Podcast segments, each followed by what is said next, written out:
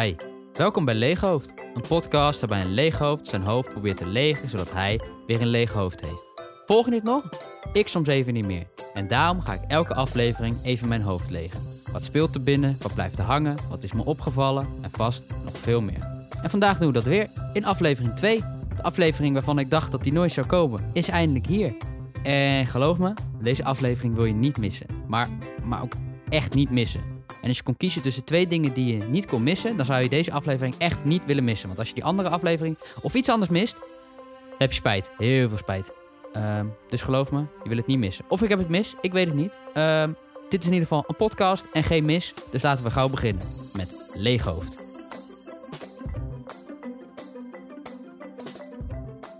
Oef, sorry, ik liep me even helemaal gaan, denk ik. Ik had even adem te halen en deze intro liep iets uit de hand. Ehm, maar mocht je hier nog zijn, dan heb je de intro overleefd. En dat betekent dat, zoals je misschien nog herinnert, we doorgaan naar het eerste onderdeeltje. En daarbij ga ik, zoals Lucie zegt, jullie tijd nuttig verspillen. Waarin ik iets deel wat me is opgevallen, of een feitelijk feitje, of iets wat ik gewoon leuk vind om te delen. Ehm, goed, nou, het eerste wat ik las uh, toen ik op het internet aan het scrollen was. ja, kijk, daar gaan we al. Um, ik moest er inderdaad heel erg om lachen. Uh, en dat was dat een man die probeerde zijn avondmaal te nuttigen. Dus die ging net lekker zitten om te gaan eten. En toen, uh, nou ja, uh, dit dus. Er kwam dus een, uh, een, vlieg langs. En hij dacht, ja, die ga ik even neermappen voordat ik ga eten. Dus hij pakte zijn vliegenmapper en dat bleek een elektrische te zijn. En toen hij de vlieg probeerde te mappen, toen volgde er een keiharde explosie. En lag het dak van zijn huis eraf. En dat kwam dus omdat er een gasfles, ik denk, gelekt heeft.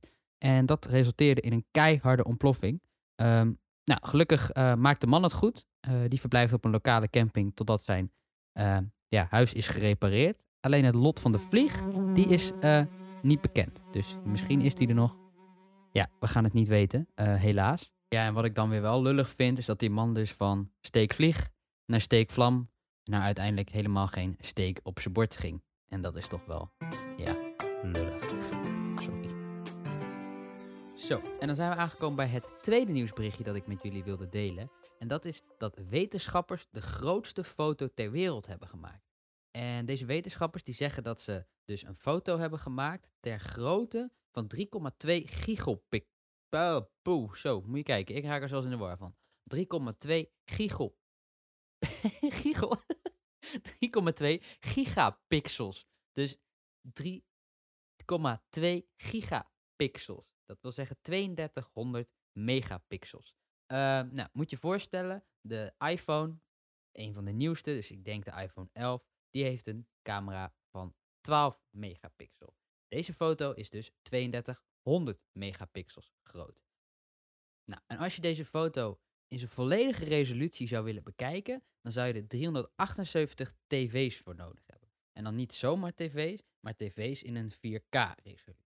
En 4K wil zeggen dat het uh, heel erg scherp is. Dus uh, moet je voorstellen, jij zit nu achter een laptop en die heeft waarschijnlijk nog een 1080p, dus 1080 pixels resolutie. Um, nou, 4K is vier keer grofweg gezegd die 1080 pixels. Um, nou, en daarvan heb je er dus 378 nodig om de, deze foto in zijn volledige afmetingen te bekijken. Daarbij zeggen ze dan ook nog eens dat je een golfbal op 24 kilometer afstand kan zien liggen op deze foto. Zo scherp is die dus. En ik ben heel blij dat mijn telefoon niet zo'n camera heeft als selfie-camera. Want dat lijkt me pas verschrikkelijk. Dat je een puist op 24 kilometer kan zien liggen.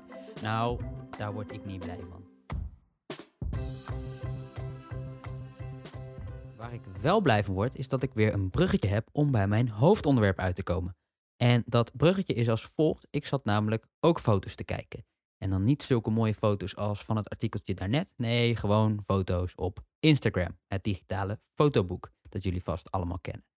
En het viel me op dat de stories eigenlijk wel heel erg veel gebruikt worden. En voor de Instagram leek, stories zijn eigenlijk hele korte verhaaltjes die je kunt plaatsen en die na 24 uur weer verdwijnen. Eigenlijk een beetje het Snapchat, maar dan in Instagram. En voorheen had iedereen zoiets van, nou, waarom zouden we dat gebruiken? En gebeurde het eigenlijk niet. Maar de laatste tijd is dat wel echt ontploft en gebruikt eigenlijk iedereen het. En dan vooral voor hele kleine dingetjes, omdat het zo makkelijk plaatsen is. Dus kijk mij proosten, kijk dit heb ik gedaan vandaag, dit was mijn vakantie, kijk wat een mooie zonsondergang, kijk wat een mooi dit, wat een mooi dat, en, enzovoort. En ik zat laatst, even kijken, was Brooklyn Nine-Nine te kijken. Sowieso een geweldige serie die ik je kan aanraden op Netflix. En daarbij heeft een personage FOMO, dus Fear of Missing Out of Work. Nou is dat natuurlijk niet een heel bekende, maar wel FOMO. En toen viel het me op dat ik eigenlijk heel vaak FOMO hoor, of nou zelf zeg, en dat helemaal niet echt ken. Ja, ik weet wat het betekent, maar niet precies wat het inhoudt en wat het eigenlijk betekent. Dus dat wilde ik graag even uit gaan zoeken en vandaar dat dat mijn hoofdonderwerp is vandaag. Um, ik heb wel nog een mooie quote gevonden en die is die van Steven Furtick. En hij zegt: The reason we struggle with insecurity is because we compare our behind the scenes with everyone else's highlight reel. Um, en dat is dus precies wat die stories zijn. Dat is een fantastische highlight reel waarin alle leuke dingen en alle prachtige dingen uh, worden gedeeld. En die zie jij en die ga je dan vergelijken met je eigen, ja, behind the scenes. Dus jouw eigen uh, momentjes waar eigenlijk niks gebeurt. Dus dat jij uh, een kopje koffie drinkt, je ontbijt thuis, uh, naar de wc moet. Maar ja, niemand deelt dat in zijn of haar highlight reel. En als je dat met elkaar gaat vergelijken, ja, dan is dat natuurlijk wel heel erg scheef. Ehm, maar goed, dat was een mooie quote die ik wilde delen. Ehm, ja, het hoofdonderwerp, FOMO dus. Wat is precies FOMO en misschien zelfs wat doe je er tegen? Nou, ik ben weer het internet opgegaan en ik heb een uitermate betrouwbaar, grondig en groots onderzoek uitgevoerd. Ik heb namelijk het eerste Google-resultaat aangeklikt. En dan kom je uit bij een artikel van bedrock.nl, tenminste op mijn Google. En daarbij uh, staat een artikel, FOMO, en wat doe je er tegen? Vraagteken. Nou, daar leggen ze dus onderuit uit wat het is, wat het inhoudt en wat je er tegen kan doen. Um, nou, eerst geef ze het voorbeeld. Wat is FOMO nou precies? Nou, je kent misschien wel bijvoorbeeld dat je een avondje gaat Netflixen in plaats van uitgaat op een zaterdagavond. En dan moet je eigenlijk haast wel balen, want ja, had je niet iets anders kunnen doen met je vrienden? Of had je op het terrasje kunnen zitten? Of had je naar een voetbalwedstrijd kunnen gaan? Of naar theater of een concert? Ja, dat is natuurlijk nu op dit moment allemaal een beetje lastig. Maar stel je voor, hey, dat of thuis Netflixen. Um, en ik zocht dit dus op omdat ik ja, eigenlijk overal gehoord heb, maar nog steeds niet echt weet wat het nou eigenlijk is, dat FOMO. Afgezien van een term waar wij heel vaak mee gooien. Van, oh, ik heb FOMO. Of, uh, ja, je hebt FOMO. Maar ja, wat is het eigenlijk? Nou, daar gaan we dus nu proberen achter te komen.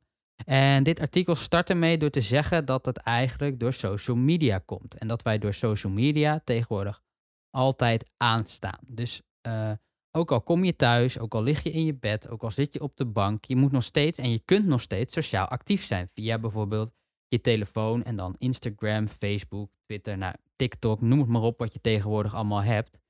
Um, en daarbij houden we elkaar dus altijd in de gaten.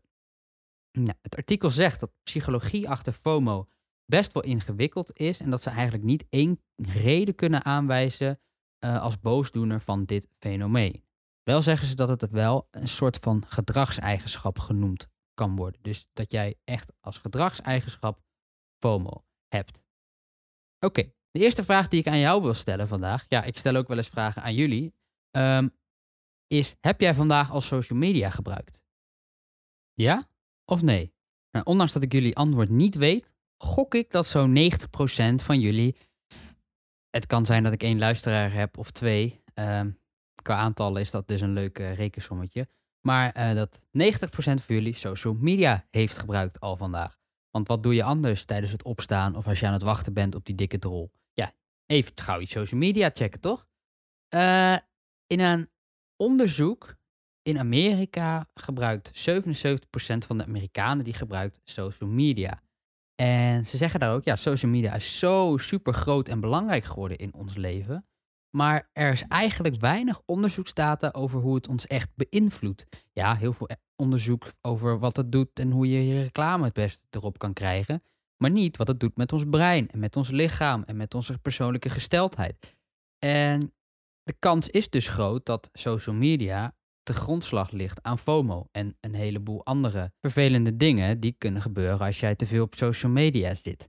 En in dit artikel zeggen ze eigenlijk dat mensen die FOMO hebben echte max maximizers zijn.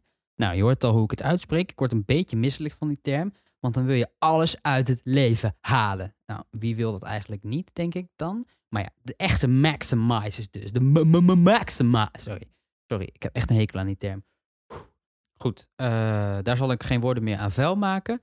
Maar um, deze maximizers, die weten dus niet uh, welke keuzes ze moeten maken die zich het gelukkigst gaat worden. Dus er ontstaat zich een keuzeparadox. En dat noemt Barry Schwartz, en dat is dan een onderzoeker die ze in dit artikel aandragen als een te veel keuzeparadox. Dus de angst om de verkeerde keuze te maken. Nou, een heel simpel voorbeeldje. Uh, jij gaat je broodje smeren in de ochtend en je hebt de keuze uit hagelslag. Of je hebt de keuze uit, nou wat zullen we doen, vruchtenhagel. En dat is niet zo moeilijk. Je voelt vandaag, denk je, ik heb zin in hagelslag, vruchtenhagel. Of misschien doe ik wel allebei de helft. hey, ik doe eens gek, weet je, avonturier dat ik ben. Of stel, je wordt wakker, je pakt je broodje en je doet de kast open. En je hebt vruchtenhagel, anijshagel, aardbeienjam, abrikozenjam, sinaasappelsham, citroenjam, uh, hagelslag met witte stukjes ertussen, vlokken, muisjes. Nou, je snapt mijn voorbeeld. De keuze dat je dan een verkeerde keuze maakt, of in ieder geval de tijd dat je daarmee bezig bent om die keuze te maken, dat legt veel angst en veel stress toe. En als je dan het verkeerde kiest, dus jij kiest vruchtenhagel, maar eigenlijk had je liever hagelslag gewild, ja, dan kan dat wel vervelend voelen en dan kun je een schuldgevoel aankrijgen. Nou is dat natuurlijk niet uh, met dit voorbeeld wat ik net geef, al baal ik er wel van dat ik geen hagelslag heb gegeten vanochtend. Shit. Nou, morgen weer een kans. En uh, het schijnt ook dat mensen die sneller iets als een verplichting voelen, dus bijvoorbeeld het werk of een sociale bijeenkomst, of nou, in ieder geval het leven als een verplichting voelen, om het maar even heel bot te zeggen, die hebben meer de kans uh, dat ze de angst krijgen om iets te missen. Uh, omdat het dan verplicht voelt. En je wil geen kans op plezier mislopen. En dit algehele geheel wordt dan ook wel gelinkt aan moeheid, stress, slaapproblemen en psychosomatrische problemen. Zo, dat is een moeilijk woord. Uh, en dat schrijft dan psych... Zo. Praten is ook echt moeilijk, hè? Uh, Psychology Today, die schrijft dat. Dus je meer kans op nou, alles wat uh, vervelend is, om maar zo te zeggen. Dus moeheid, stress, slaapproblemen en de hele mikmak. En ze denken eigenlijk dat FOMO vaker wordt gebruikt tegenwoordig, of dat het meer een ding is, omdat wij in een maatschappij leven waar alles leuk moet zijn. Dus uh, echt, maar echt alles moet leuk zijn. Dus je hele dag moet geweldig zijn, awesome zijn. En je moet de beste dag van je leven hebben gehad. En dat 365 dagen per jaar. En dat zolang je leeft. Uh, en dat komt eigenlijk omdat we geobsedeerd zijn door geluk. Dus uh, het enige waar wij nog naar op zoek zijn in ons leven is geluk. En als wij dat niet worden, ja, dan is het ook gelijk wel goed mis. En wat ik dan denk en wat ik me afvraag, en daar gaan ze in het artikel niet heel erg op in. Uh, maar daar zijn wel interessante dingen over te lezen als je wat verder onderzoek doet. En ik vraag me dan af of we verzadigd zijn door geluk. Omdat we eigenlijk al zoveel geluk hebben dat de hoeveelheid geluk niet meer uitmaakt. Dus we zijn gewend om gewoon altijd op een soort van grond gelukkig te zijn. En als je dan iets anders doet, dan is dat eigenlijk helemaal niet zo geweldig meer, omdat je best wel eigenlijk gelukkig voelt de hele dag. Want je hoeft je niet zorgen te maken waar je slaapt, waar je eet, wat je doet. Uh, nou ja, dat moeten natuurlijk nog steeds heel veel mensen. Maar over het algemeen zijn we daar minder mee bezig. En zijn we meer bezig met keuzes zoals wat ga ik vanavond doen? Wat zal ik eens gaan eten? Dus misschien zijn wij wel verzadigd door geluk en voegen die andere dingen maar een klein beetje geluk toe. En maakt die keuze, dus het zoeken naar het uitermateste, of het grootste beetje extra geluk wat je nog kan krijgen, zo'n keuze wel heel lastig. Waardoor dus dat FOMO begint op te spelen. Want wat als dat ene stukje nou net 3% meer geluk had gebracht dan die andere keuze? En, ja, en dan baal je dat je die verkeerde hebt gekozen. En eigenlijk kom je daarin door in een ironische FOMO-cirkel. Dus net als in aflevering 1 hebben we het gehad over die overdenkcirkel. Nou, je kunt ook in een FOMO-cirkel raken. Omdat je ja, je bent je zorgen aan het maken omdat anderen het veel leuker hebben en dat je misschien het verkeerde hebt gekozen en ja, niet je geluk kan maximizen. En daardoor zie je je eigen kansen niet. Dus dat jij op die bank zit en dat je het hartstikke naar je zin hebt. Of dat jij uh, deze keuze hebt gemaakt met deze paar, dit groepje vrienden. en dat het hartstikke gezellig is. Maar omdat je dat niet ziet, ga je je weer zorgen maken omdat anderen het leuk hebben. En daardoor zie je je eigen kansen niet. En dan ga je je weer zorgen maken om anderen. En daardoor zie je je eigen kansen niet. En daardoor ga je weer zorgen maken om anderen. En daardoor zie je je eigen kansen. Sorry, ik liep vast. Ehm, voordat ik echt vastloop, uh, ga ik gauw weer door. En we hebben dus echt, zoals ik al zei, met die, uh, dat verzadigde gevoel van geluk, hebben wij een obsessie met het maakbaar geluk. En uh, wij kunnen dus echt het geluk zelf maken door die keuzes die wij allemaal uh, krijgen en kunnen doen. En daardoor zijn wij zo geobsedeerd dat, ja, als het niet lukt, als het het niet lukt om ons gelukkig te maken, dat dat dan ook, ja, dat je dan terecht kan komen in zo'n FOMO-cirkel. En wat nou vervelend is in de maatschappij, is dat dat avondje op de bank, dus hè, ik blijf een keer thuis, ik kijk een keer Netflix, dat dat op de schaal van geluksniveau, ik weet niet of we die hebben of dat die überhaupt een keer uitgeschreven is, maar staat dat alleen kijken op de bank naar Netflix echt helemaal onderaan vergeleken. Ik zit op een terrasje met mijn vrienden of ik ga naar een sociale bijeenkomst met heel veel mensen. En op een of andere manier uh, is dat avondje Netflix dan veel minder, veel minder waard.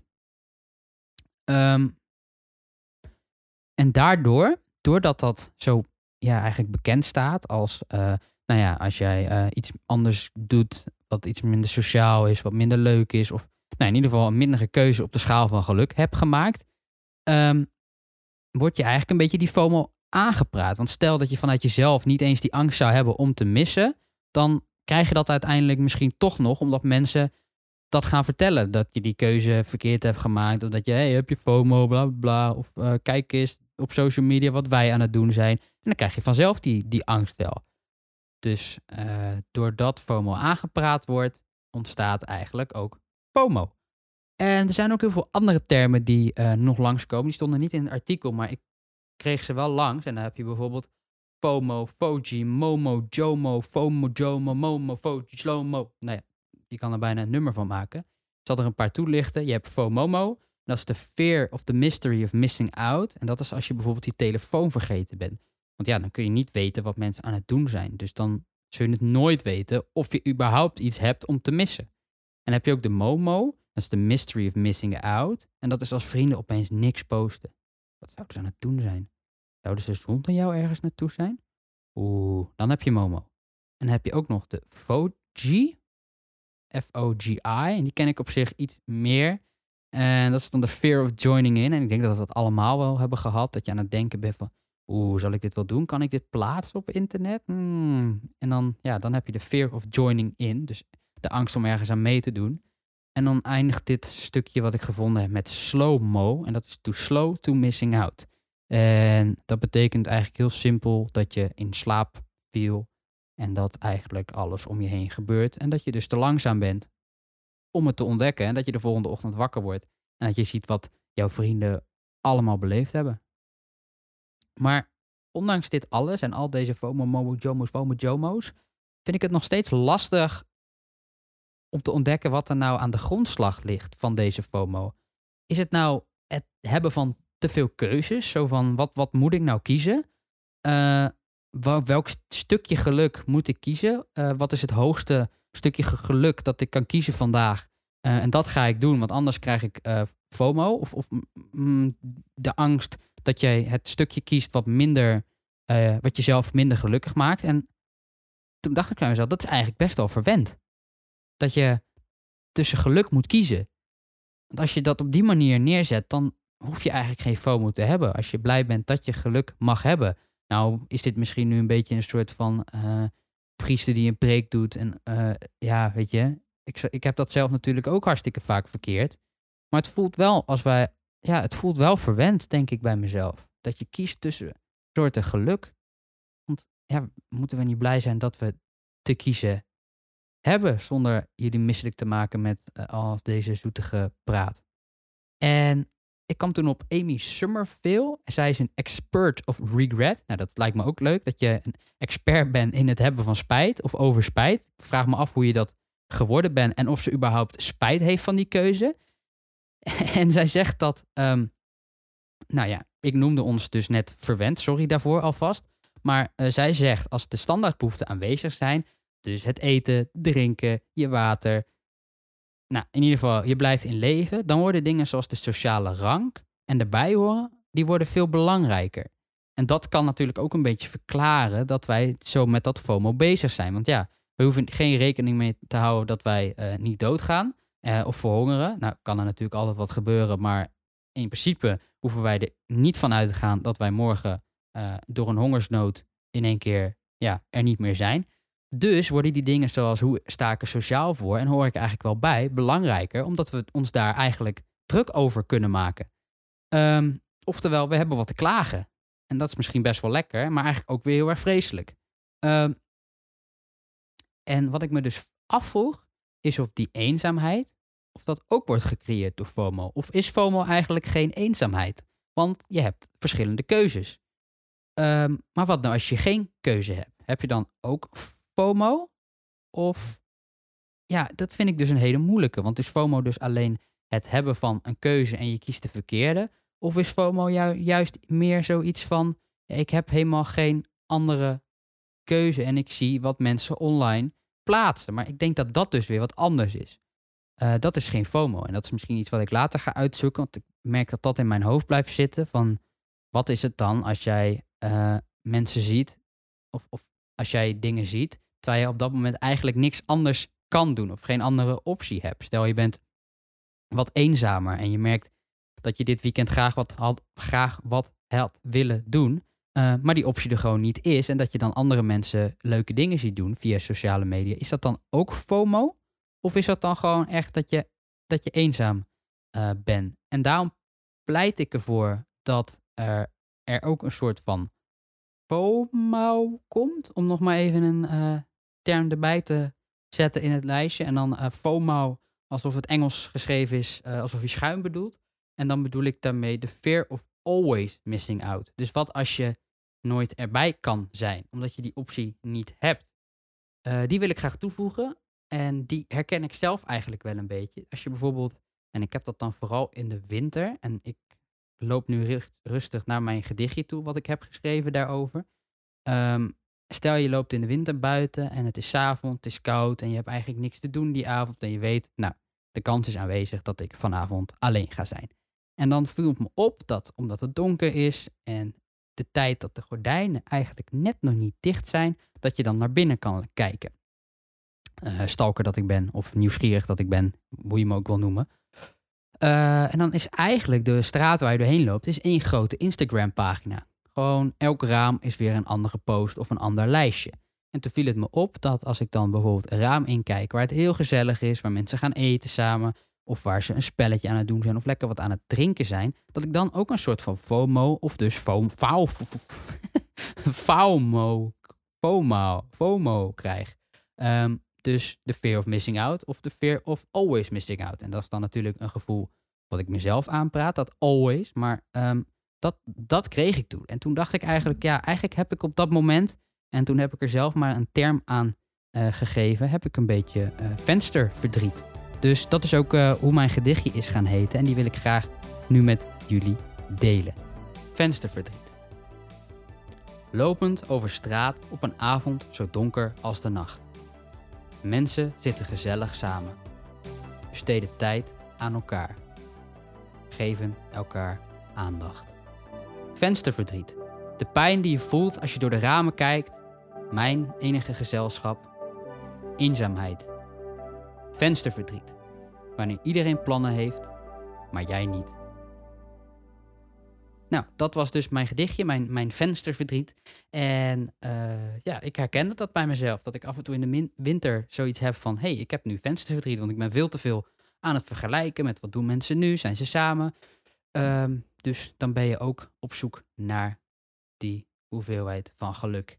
En ze eindigen het artikel, want ja, daar waren we natuurlijk mee bezig... met het door komen van het artikel, eindigen ze eigenlijk mee met nog een extra term. Dus ja, sorry, ik ga er nog een extra term bij gooien.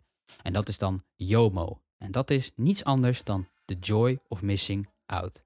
En daarbij omarmen we het missen van sociale gelegenheden en genieten van de positieve effecten van wat je nu doet. En dat je je daarbij niet schuldig voelt. Dus leven in het nu, niet schuldig voelen voor wat je aan het doen bent tevreden zijn met de keuze die je hebt gemaakt en genieten van het nu.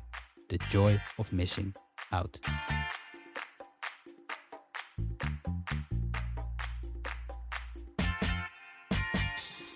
En dan zijn we alweer aangekomen bij het laatste onderdeel van deze podcast. De misschien vind je het wat of niet categorie. Uh, waarin ik jullie op dit lekkere funky muziekje ga vertellen wat ik gezien heb en wat ik graag met jullie wil delen. En wat je misschien wel zelf wil gaan checken. Of je het nou leuk vindt of niet. En het eerste waar ik mee wil beginnen is de serie Cobra Kai. En dat is een direct vervolg op de oude Karate Kid movies van een hele tijd geleden. En uh, als ik iets gebingewatcht heb en geen last heb gehad van FOMO, dan is het deze serie wel.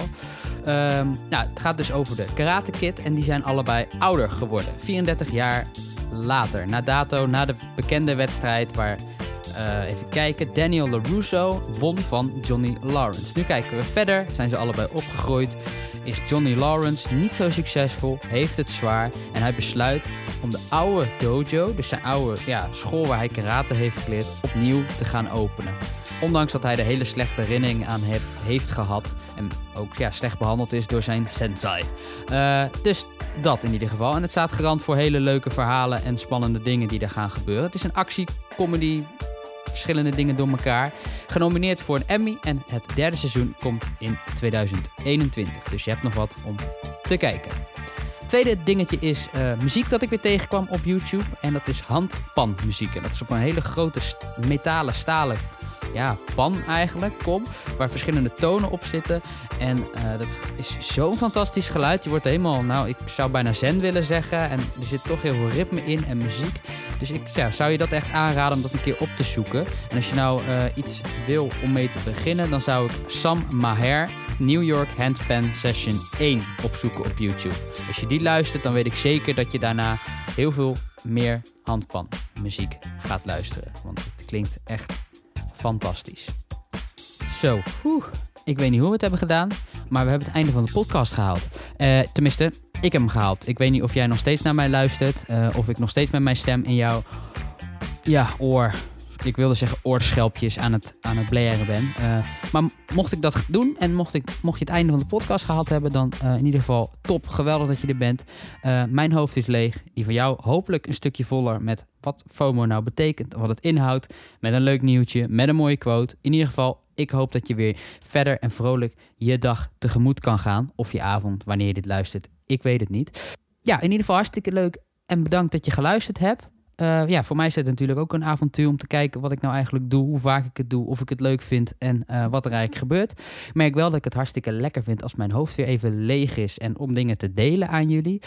Uh, mocht je het nou leuk hebben gevonden of zoiets hebben van, nou hey, dit zou je beter kunnen doen of zou je dit een keer kunnen behandelen, dan ehm, ja, waardeer ik het erg als je een recensie achterlaat in jouw podcast-app, waar je hem ook luistert. Of je dat nou doet op Spotify, op Apple, op je horloge, dat kan eigenlijk tegenwoordig, rekenmachine, weet ik niet waar jij hem luistert. In ieder geval, het zou tof zijn als je er een recensie op achterlaat. En je kunt me altijd mailen op leeghoofd.podcast.gmail.com. Sociale kanalen heb ik nog niet. Uh, daar twijfel ik nog over. Ik weet nog niet of ik dat ga doen. Misschien heb ik wel een beetje FOMO. Uh, moet ik dat maar gaan doen? Misschien ook niet.